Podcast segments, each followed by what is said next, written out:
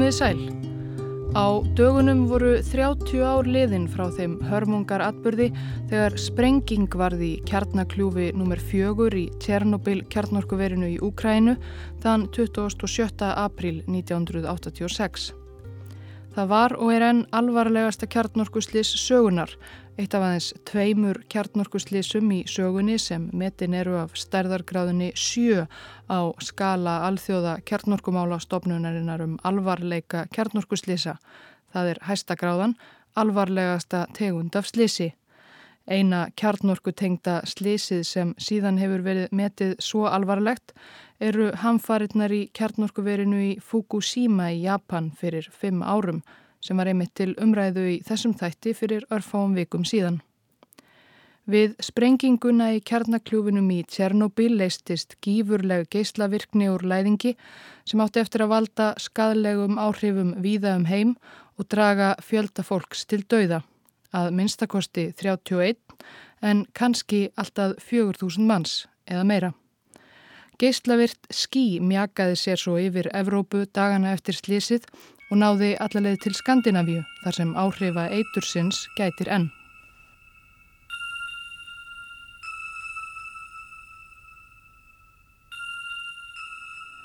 Tímaritið Soviet Life kom út í bandaríkunum um árabil.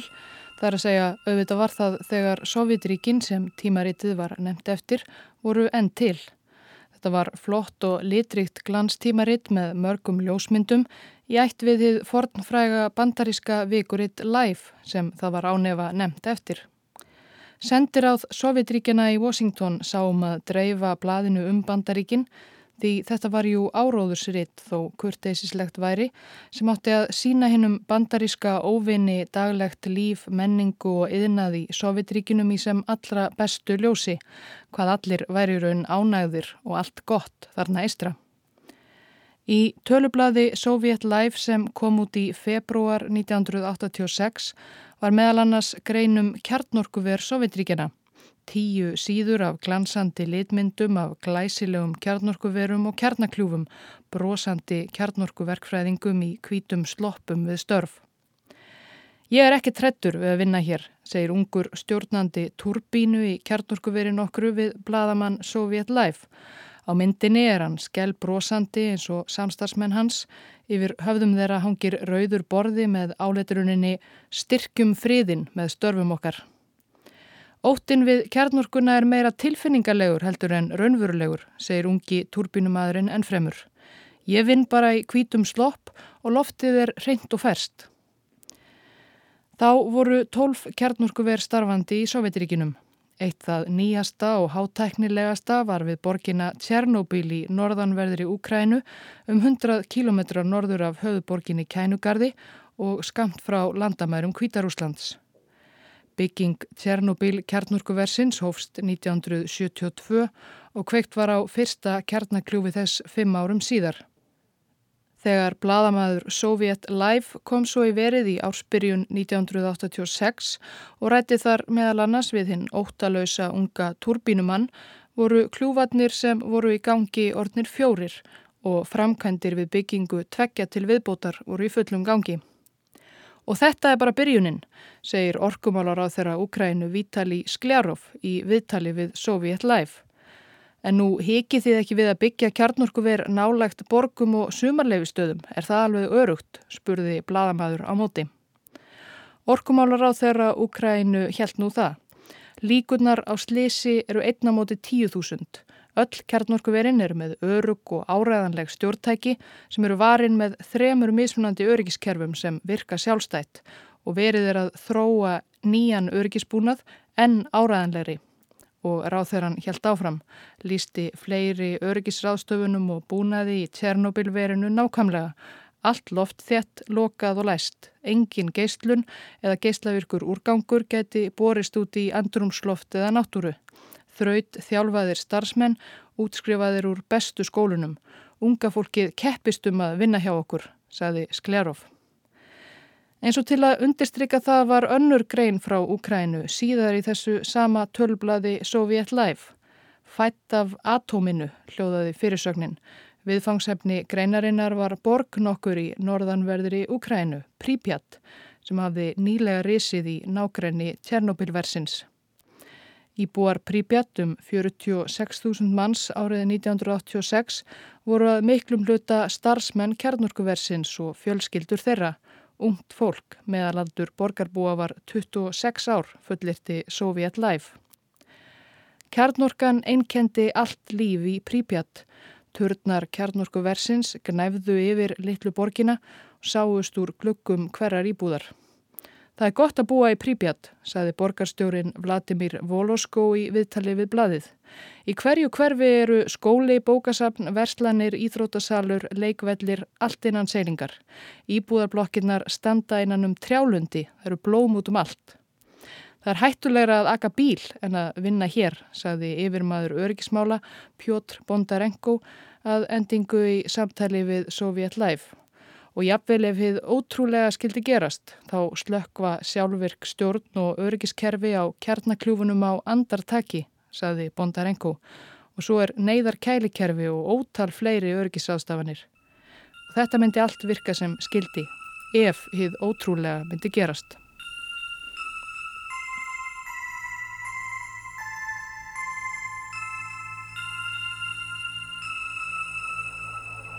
Það var einmitt neyðar kælikerfið sem starfsmenn Tjernobyl kjarnorkuversins voru með hugan við um tveimur mánuðum eftir að bladamaður tímaritsins Soviet Life hafði rætt við yfirmann öryggismála í verinu. Það var að kvöldi förstu dagsins 25. april 1986. Fyrirhugað var að slökkva um stund á þeim fjórða af fjórum kjarnakljúfum Tjernobylversins vegna árlegs viðhalds og því var ákveðið að prófa neyðarkælibúnaðin um leið. Þó að ströymur færi af sjálfum kjarnakljófnum myndi ströymur til neyðarkælikerfisins ekki öruglega halda sér svo að hægt væri að kæla kljúfin niður. Allt var þetta rútína, bara prófanir, ekkert að óttast. Ef við ótrúlega myndi gerast, já þá myndi öryggisbúnaðurinn allur virka sem skildi, auðvitað. Klukkan 11, förstu daginn 25. april, gáfu yfirmenn kjarnorkuversins grænt ljós á að byrja tilraunina. Til að stýra kjarnakljúpnum notuðu starfsmenn svo nefndar stýristengur. Til að auka kraftin dróðu þeir tengurnar út úr kjarnakljúpnum og til að mingan voru þær settar lengra niður í kljúfin.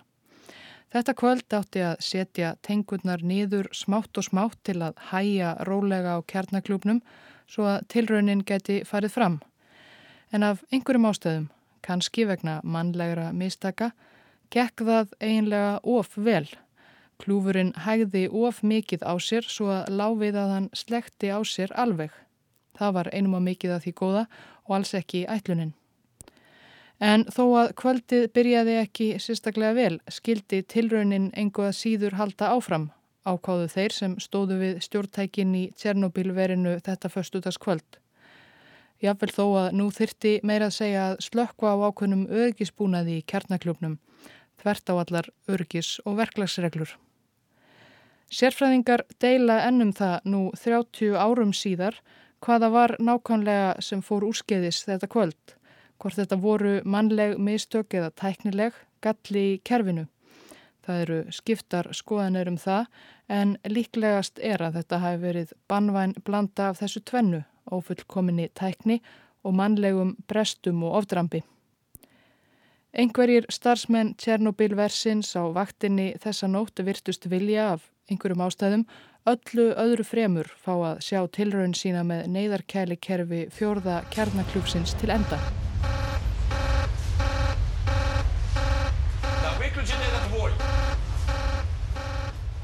Jafnvel þegar viðvörunabjöllur byrjuði að klingja að eitthvað væri að. Til að koma í vegferir að kjarnakljúfurinn slekti alveg á sér hafðu starfsmenn dreyið stýristengurnar aftur út til að auka kraftin en það hafði svo líka gengið of vel og nú var kjarnakljúfurinn að ofhitna. Engur stökk á neyðartakkan sem átti að slökka á öllu heila klappinu en þá var það þegar um seinan 23 mínútur og 44 sekundur yfir eitt sprakk kjarnaklúfur nr. 4 í Tjernobyl.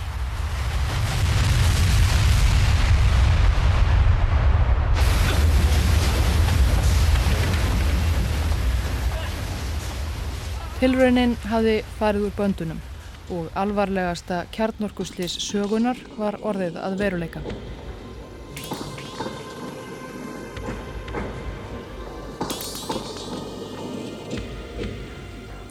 Sprengingin var svo öflugað 2000 tonna efralag kjarnakljúfsins þeittist af og hluti byggingarinnar sem hýsti kjarnakljúfin hrundi. Eldur braust út, rör og pípur brustu og eldheitt vatn og gufa sprautaðist út um allt.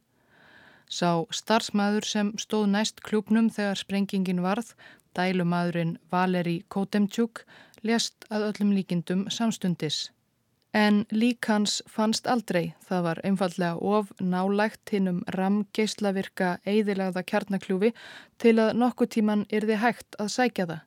Mörgum vikum síðar var steipu held yfir kjarnakljúfin til að einangra hann og reyna að takmarka banvæna geislunina sem frá honum stedjaði í einskonar risavaksinni steinkistu.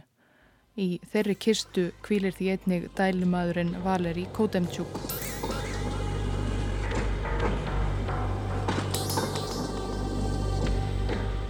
Rafvirki að nafni Vladimir Sjasinok hafði ekki átt að vera í vinnunni þessa nótt. Hann átti frí og hafði ætlað að verja helginni í að ditta þýmsu í íbúðinni sem hann bjói með eiginkonu sinni og börnum í prípjat.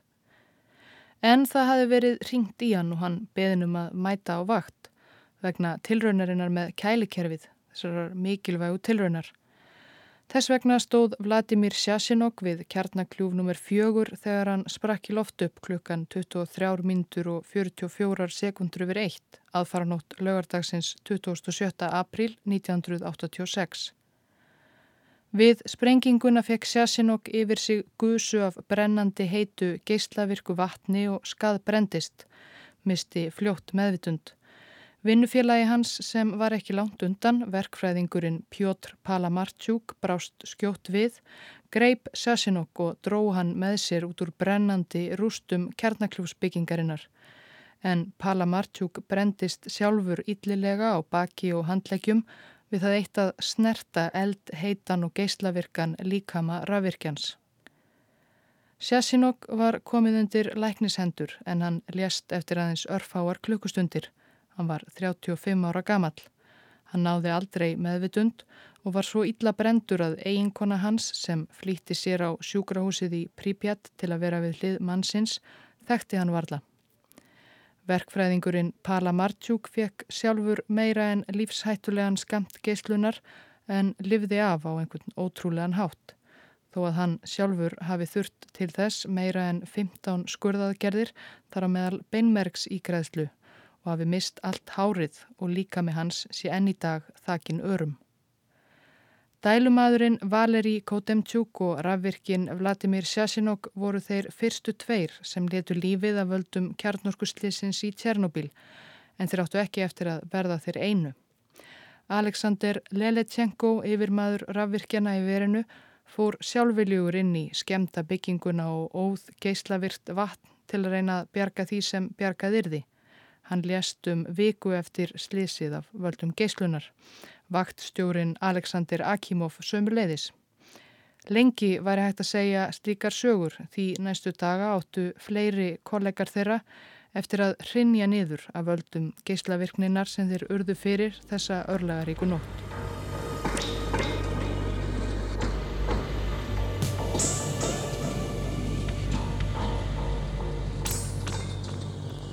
15 til 20 mínútum eftir sprenginguna í kjarnakljófnum var slökkuleiði í Prípjat komið á vettvang. Eldurinn logaði sem aldrei fyrr og hafði náða að læsa klóm sínum í nálagar byggingar. Slökkulismennir stóðu í þeirri trú að þetta væri bara venjulegt útkall, að eldurinn sem þeir ættu að kljást við væri fyrst og fremst þarna á þaki kjarnakljófsbyggingarinnar og í byggingunum við hliðin á henni. Þeir vissu ekki að eldur logaði í sjálfum kjarnakljúfi nr. 4.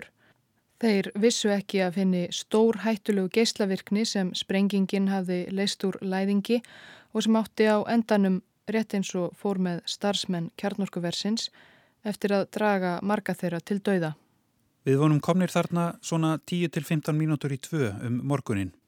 Við heyrum brotur vitnisspurði Grígóri Kmel slökkulismanns frá Prípjat sem ógeitt brunabílinn þessa nótt. Við sáum grafítmóla um allt. Misja spurði, er þetta grafít? Ég sparkaði því frá. En einn af mönnunum í hinum brunabílnum tók upp eitt mólan. Þetta er heitt, sagði hann. Mólatnir voru misstórir, sumir stórir, aðrir nógu litlir til að taka þá upp. Ég man að ég grínaðist með þetta. Anatóli Sakarov, slökkulismadur frá henni eiginlegu Tjernobilborg. Það hlýtur að vera rosalega geyslaverkni hérna. Við erum hefnir ef við lifum til morguns. Við vissum lítið um geyslaverkni. Jafnvel þeir sem unnu í verinu vissu ekki neitt. Það var ekkert vatn eftir í bílunum. Misja fyllt í geiminn og við spröytuðum vatninu upp. Svo fóru strákarnir sem dóu upp á þakkið. Vasik, Kolja og Hinnir og Volodja Pravik, þeir fóru upp stegan og ég sá þá aldrei aftur. Þegar leið á nóttina komu fleiri slökkulismenn á vettvang frá nálægum bæjum og borgum og svo loks allarleið frá Kænugarði, höfuborg Ukrænu. Eins og kollegar þeirra sem höfðu verið fyrstir á vettvang vissu þeir lítið um alvarleika málsins. Þeir voru ekki með geislunarmæla, ekki með grímur eða í hlýfðarfatnaði sem gætt gert neitt gagn gegn þeim ósýnilega óvinni sem þeir áttu við að etja. Enda tóku slökkulismennir fljótt eftir því að ekki var allt með feldu. Þó að þið eiginlega slökkvistarf gengi svo sem frekar greiðlega leið þeim undarlega. Þeir eruðu ringlaðir, fengu nýstandi höfuðverk, var óglatt, kúðust, fengu náladofa um allan líkamann og einhvert óbragð í munnin, einhvers konar málmbræð. Þeir höfðu fengið þjálfun, þeir vissu alveg hvað þetta skringilega málmbræð þýtti, það var til marksum geyslaeitrun. Og ekki leið á löngu þar til slökkulismennir sem voru fyrstir á vettvang byrjuðu að rinja niður meðvitundarlausir. Kallað var á lækni til að sinna þeim, síðar átti þessi læknir sjálfur eftir að verða geysluninni að bráð. Búið var að slökkva alla elda um fimmleitið um morgunin 27. april, það er að segja annan en eldin sem logaði enn inni í kjarnakljúfi nr. 4. Hann átti eftir að loga áfram dögum saman. Eldurinn í kjarnakljúfnum sloknaði ekki fyrir enn 10. mæ og þegar búið var að hella yfir hann meira en 5.000 tonnum af sandi og blíi úr þyrlum og kjarnakljúfurinn var búin að heimta nokkur líf til viðbótar meðal annars fjöguramanna áhaupn sem fórst þegar einn þyrlan rakst á byggingakrana og rapaði til jarðar.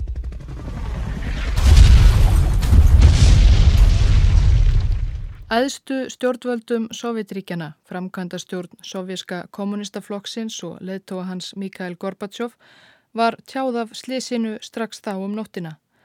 Það voru að vísu loðnar fregnir í fyrstu, menn vissu ekki nákvæmlega hvað hefði gerst. Eitthvað hafði farið úrskeiðis í kjarnorkuverinu í Tjernobyl í Ukrænu, þessu nýja og tæknilega og örga. Það loguðu eldar En það að eitthvað væri ekki eins og það ætti að vera í stóru kjarnorkuveri, að einhvers konar slís hefði orðið, það getur varla nokkuð tíman bóðað neitt nema eitthvað sleimt. Það lítur alltaf að vekja ugg. En þóttinnir gráu aldurnignu herrar í Kreml hafi fengið vittnesku um að eitthvað væri ekki eins og það ætti að vera í Tjernobyl í 600 km fjarlægð, gerðu þeir lítið í fyrstu, nema helst að þeia Það höfðu stjórnvöld í Sovjetiríkunum enda lengi verið sérstaklega leikin í að gera þegar alvarleg slisurðu eða hamfarir, þeia, setja upp sparibrósið og neyta öllu því auðvitað gætt ekkert farið úrskeiðis í fyrirmyndaríki kommunismans. Það átti eftir að líða nokkur tími þar til almenningur, bæði í Úkrænu í næsta nágræni slissins sem og annar staðar í Sovjetiríkunum fekk að vita nokkuð af því sem gerst hafði í Tjernobyl aðfaranótt laugardagsins 27. apríl.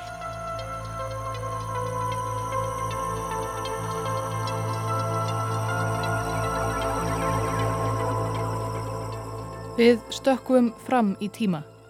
Það er runin upp mánudagsmorgun 28. apríl. Eins og annar staðar var þá ný vinnuvika að hefjast í Forsmark kjarnorkuverinu við austurströnd Svíþjóðar um 75 km norður af Uppsölum. Þó það væri all nokkur vegalengt var ekki óvanalegt að starfsmenn Versins byggju í Uppsölum og ferðuðust alla leðina til Forsmark með rútu á modnana. Eitt þeirra sem það gerði var bresk-sænski kjarnorkuverkfræðingurinn Cliff Robinson. Hann hafði það fyrir síðað þegar hann var á morgunvaktinni, beigðan með að bursta tennutnar þar til hann var komin í vinnuna og gerði það í búningsklefa versins. Það gerði hann líka árla morguns mánudaginn 28. april 1986. Á leiðsynni úr búningsklefanum á skrifstofu sína fór Cliff Robinson í gegnum geislavirknimæli. Það var bara rútina, engin vegur að komast þessa leiði gegnum kjarnorkuverið án þess að fara í gegnum mælinn, þó að auðvita byggist engin við því að geislun mæltist á starfsmönnum sem voru nýmættir til vinnu árla á mánudagsmorni. Það kom því Cliff Robinson talsvert á óvart þennan morgunin að mælirinn pífti á hann og pífti ákaft. Cliff Robinson var forviða. Hann fór úr skónum og mældi þá nánar. Þetta var ekki bara píp í mælinum á ganginum, þetta var brjálaðislega mikil geyslun og gatvalla staðist. Hafði eitthvað slis orðið í forsmarkum helgina, leki. Cliff Robinson gerði yfirmönnum sínum strax viðvart og allt fór í gang. Næstu klukkustundirnar var farið yfir öll öryggismál og hver einasti kemi í kjarnorkuverinu yfirfarin, svo að segja með stækunargleri. Þegar ekkert misjamt fannst var haft samband við önnur kjarnorkuveri Svíþjóð þar sem sama ferli var sett í gang en fljótlega varði ljóst að geyslunin var ekki úr forsmark nýja öðru sænsku kjarnorkuveri. Við nánari aðtugun og greiningu kom í ljós að hún komað utan, hafi borist með vindum langt að úr austri.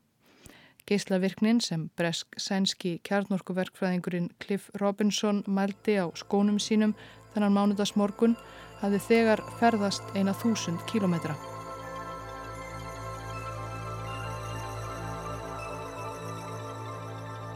Þó svo að ráðamenn í Kremlu virtust ætla að reyna að þeia málið í hel var það þó ekki alveg þannig að enginn gerði neitt. Auðvitað áttuðu yfirvöld á staðnum sig fljótt á að eitthvað hræðilegt hafi gerst, eitthvað alveg ólýsanlega hræðilegt að úr skemta kjarnaklúpnum í Tjernobyl spítist lífshættulegt en ósýnilegt eitur. Sprengingin í kjarnorkuverinu hafði heldur ekki farið fram hjá almennum íbúum prípjatt. Eins og fyrir segir sáu þeir flestir turna versins út um eldhús eða stofuklukkana og þeir bæjarbúar sem ekki unnu í kjarnorkuverinu voru nákomnir einhverjum sem það gerði. Nóttina sem slísið var höfðu margir heyrt sprenginguna og farið út til að reyna að sjá hvað væri á seiði og sáu þá eldin loga í byggingunni sem hýsti kjarnakljúf nr. 4. Einhverjir höfðu orða á því að eldtungunar væru sérstaklega litríkar. Það var vist einlega fögur sjón, hafa sjónarvottar sagt síðar, glitrandi litadýrð en fegurð eldtungnana kom auðvitað til af geyslavirkninni, eitrinu sem var þá þegar farið að taka sér bólfestu í líkumum íbúa prípjatt. Sagan segir að á brú yfir járbrutateina sem leitu til borgarinnar hafi fólk sapnast saman þarna um nóttina. Þaðan var sérstaklega gott útsýni yfir kjarnorkuverið og yfir eldin sem logaði í kjarnakljúf nr. 4 og litríku fallegu eldtungunnar.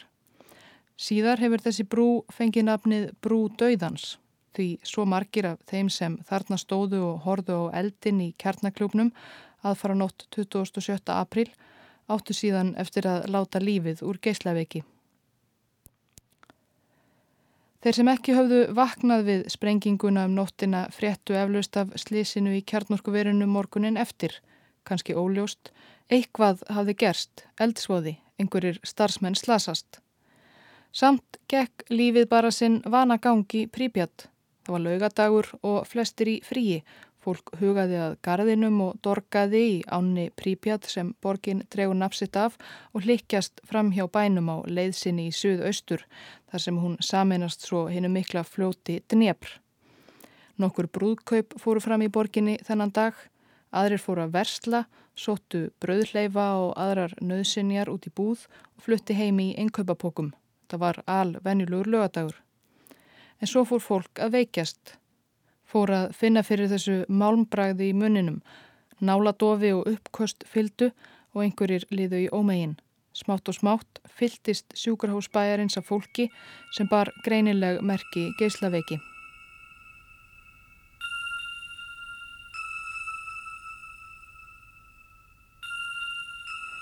Og meðan íbúar Prípjat möluðu sitt geyslavirka brauð fylgdust stjórnvöldi Kreml með gangi mála. Það var ljóst að þetta var alvarlegt mál og eitthvað þyrti að gera. En það var ekkert gripið sérlega hratt til aðgerða samt. Skipið var nefnd helstu kjarnorku sérfræðinga.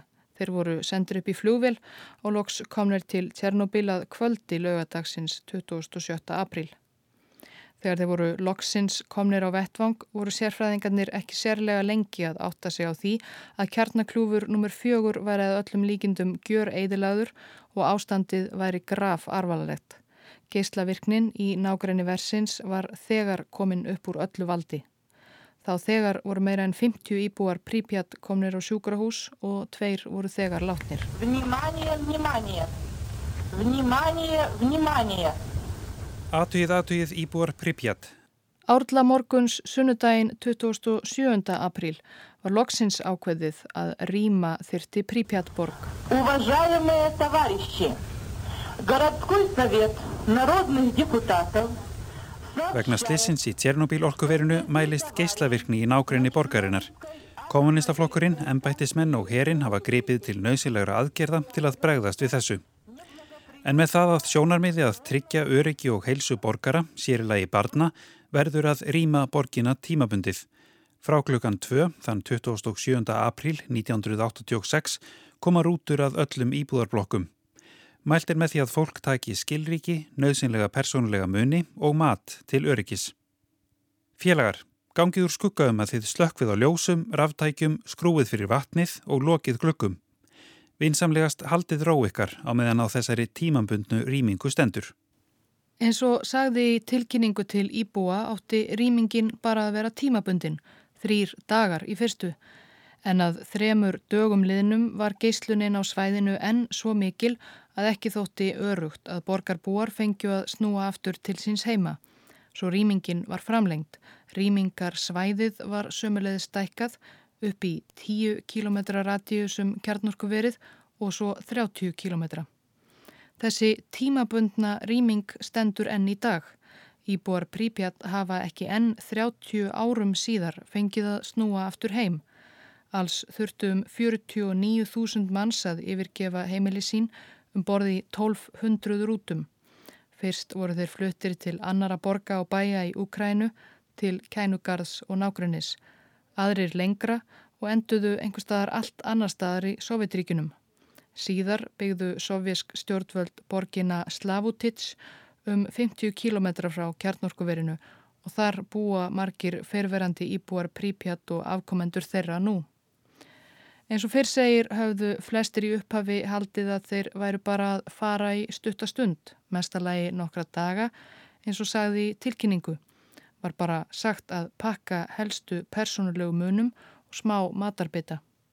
Svo að þeir skildu við heimili sín eins og þeir kæmu brátt aftur, diskar á borðum, leikfeng batnana á gólfinu og þannig hefur tíminn staðið í stað síðustu þrjá áratugi því íbúarnir komu jú aldrei aftur til að taka borðum eða sópa saman leikfengunum.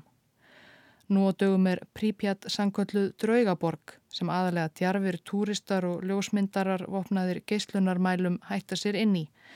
Það er óhætt að dvelja þar í skammastund svo að af og til fara íbúar nýju borgarinnar Slavutits í heimsókn á gömlu heimahagana helst til að fara í kirkugarðin.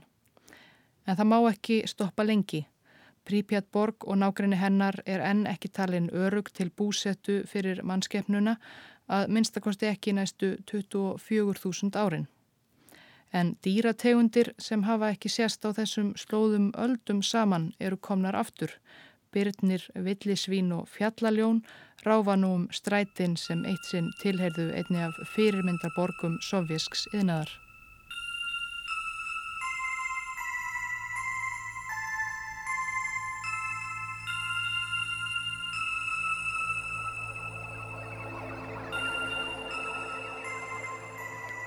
Á meðan íbúar Prípjat klifu um borði í rúturnar 1200 sem fluttuð á langt frá heimahögunum og slökkulismenn háðu vonlausa baráttu við geyslavirka logana úr kjarnakljúfi nr. 4 og viðsvegarum Tjernobyl og nákrenni nýjafólk niður vegna geyslaveiki þögðu stjórnvöldi Moskvu dálitið áfram. Það var ekki fyrir en loksins klukka nýju að kvöldi 28. april 1986 að yfirlýsing var lesin í aðalfréttatíma Sovjerska ríkisjónvarsins. Hún var stutt. Það voru þrýr dagar liðnir frá slesinu. На Чернобыльской атомной электростанции произошла авария. Поврежден один из атомных реакторов. Slis hefur orðið í kjarnorkuverinu í Tjernobyl. Einn af kjarnakljúfum versins skemmtist. Verið er að ráða bóta afleðningum slisins. Fólki hefur verið veitt aðstóð eftir þörfum, búið er að skipa nefnd til að rannsaka málið. Svo mörg voru þau orð. Sovjísk stjórnvöld hafðu áraðanlega verið vel til í að þeia lengur um það sem var á seiði í Tjernobyl en það var orðið erfitt þegar geyslavirkni hafði mælst í Svíþjóð í þúsund kílometra fjarlægð. Þegar búið var að útiloka alla aðra möguleika höfðu svíjarnir reiknað út að geyslavirknin sem fyrst mæltist á skó kjarnorkuverkfræðingsins Cliff Robinson hliti að hafa borist með vindum úr austri frá Sovjetiríkunum og sama hvað sovjersk yfirvöld neituði í fyrstu var þetta byrjað að spyrjast út um allan heim. Íslendingar heyrðu af málinu í útvarsfréttum. Rétt er að ítrekka að jável þótt mælst hafi verulega aukinn geyslun í andrumsloftinu yfir Norðurlöndum er hún langt fyrir neðan hættumörk. Albert Jónsson fréttamaður talar. Þá verðist einnig miða við þær upplýsingar sem fyrir líkja að ekki sé ástæða til að ætla annað en að um óverulega aukningu á geyslun geti orðið að ræða hér á landi að valdum slissins í Sovjetregjónum. Reglubundnar mælingar á geyslun eru ekki gerðar hérlendis en ef þörr krefur er hægt að hefja mælingar með nokkura klukkustunda fyrirvara. Til þess að slíktið er gert nú þyrti að sögn Sigurða Magnússonar hjá geyslavörnum ríkisins að mælast mun meiri geyslun á Norðurlöndunum en virðist hafa mælst í dag. Á meðan Moskva þagði hafði kjarnaklúfurinn í Tjernobyl haldið áfram að spúa eitri sínu út í andrumsloftið og geyslavirknin barst með vindum norður á bógin og var því þegar hér var komið sögu komin alla leið til Skandinavíu. Raunar var Noregur það land utan Sovjetríkjana sem líklega þurfti mest að þóla af geyslavirkum efnum í kjölfarslissins Mikið magn af geyslavirka efninu sésíni ringdi yfir staði eins og heiðmörk, upplönd, niðri þrændalög og norðland. Sésín er lengi að brotna niður og er ennað finna í jörðu á þessum svæðum. Þaðan berstaði plöndur og sveppi sem kindur, reyndýr og önnur dýr býta. Farga varð kjöti meira en 100.000 norskra söðkinda árið 1986 vegna geyslavirkni og mikils fjölda reyndýra einnig. Það leik samíska hreindýrabændur í Noregi bæði og Svíþjóð grátt. Mörg samísk þorp eru enn óýbúðar hæf vegna geyslavirkni og 2000 hreindýra var lóað. Norskir bændur á þessum slóðum lifa enn með afleiðingum kjarnorkusleisins 30 árum síðar. Í tilefni afmælis ársins, ef svo máð orði komast, rætti norska ríkisútarpið nýverið við hjónin Andris og Kari Ödegorden sem stundað hafa búskapum árabili vangi nákrenni þjóðgarsins Jötunheima. Þau muna glögt eftir þessum síðustu dögum aprilmánaðar 1986. Fyrst var þetta bara hörmulegur en þó fjarlægur atbyrður einhver staðar þarna eistra. En svo nokkru síðar fréttu þau í veðurfréttum í útvarpi að geyslavirk efni hefðu borist með vindunum alla leið þanga til þeirra í norsku fjöllunum. Þá var Tjernobyl ekki lengur eins fjarlægt og við tók laung baráta við afleiðingar geyslunarinnar, baráta sem stendur enn. Kindur ödegordin hjónana þurfa ennað í þetta sérstakar pillur með efni sem vinna á gegn geyslavirkninni í umhverfið þeirra.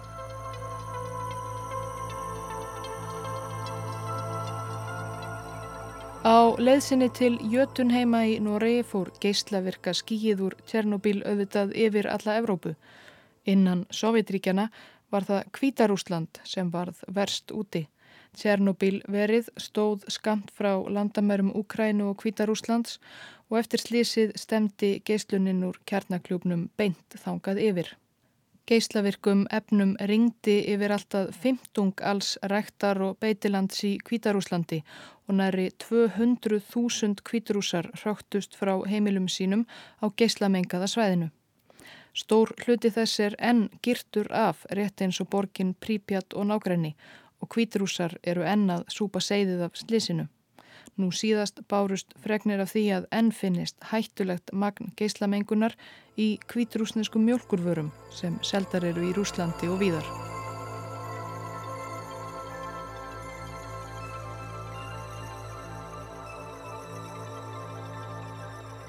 Tjernobyl kjarnorkuverið helt áfram að framleiða raforku í 14 ár eftir að þar hafði orðið alvarlegasta kjarnorkuslís mannkinsögunar.